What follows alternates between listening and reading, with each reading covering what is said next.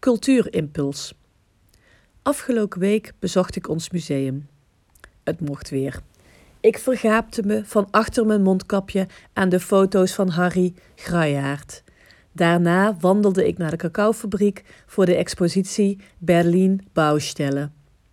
Wat hebben wij in Helmond mooie culturele voorzieningen. Wat een prachtige locaties met de afgelopen jaren ook steeds meer kwaliteit in het aanbod.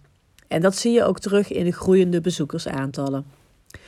Afgelopen week stemde de gemeenteraad in met de kaders voor een corona-impuls voor cultuur van 2,3 miljoen euro. Met deze impuls investeren we in de toekomst van cultuur in onze stad. We stemden in met de kaders, want daar gaan wij over als raad. De daadwerkelijke keuzes en uitvoering zijn vervolgens aan het culturele veld in samenspraak met het college. De kaders zeggen dat we toekomstbestendige voorzieningen willen voor een breed publiek uit Helmond en daarbuiten.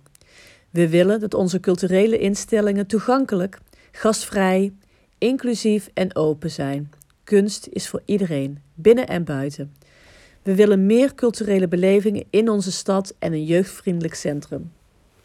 Ik hoor u denken: nou, nou, daar kun je nog alle kanten mee op. En dat klopt. Met deze kaders proberen we richting te geven, maar ook vooral ruimte te laten voor creativiteit. Want dat moeten onze culturele instellingen sowieso hebben. Zij hebben niet zoveel stoeltjes en budgetten als bijvoorbeeld een Effenaar of een parktheater. Toch hebben het speelhuis, de cacaofabriek en het museum Helmond zich de afgelopen jaren keer op keer op de kaart weten zetten. Ook buiten de grenzen van Helmond.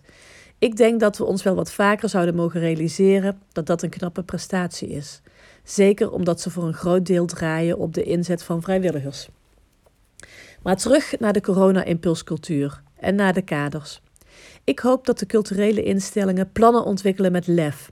Dat het geld niet alleen in fysieke zaken gaat zitten, maar ook juist ten goede komt aan Helmondse makers.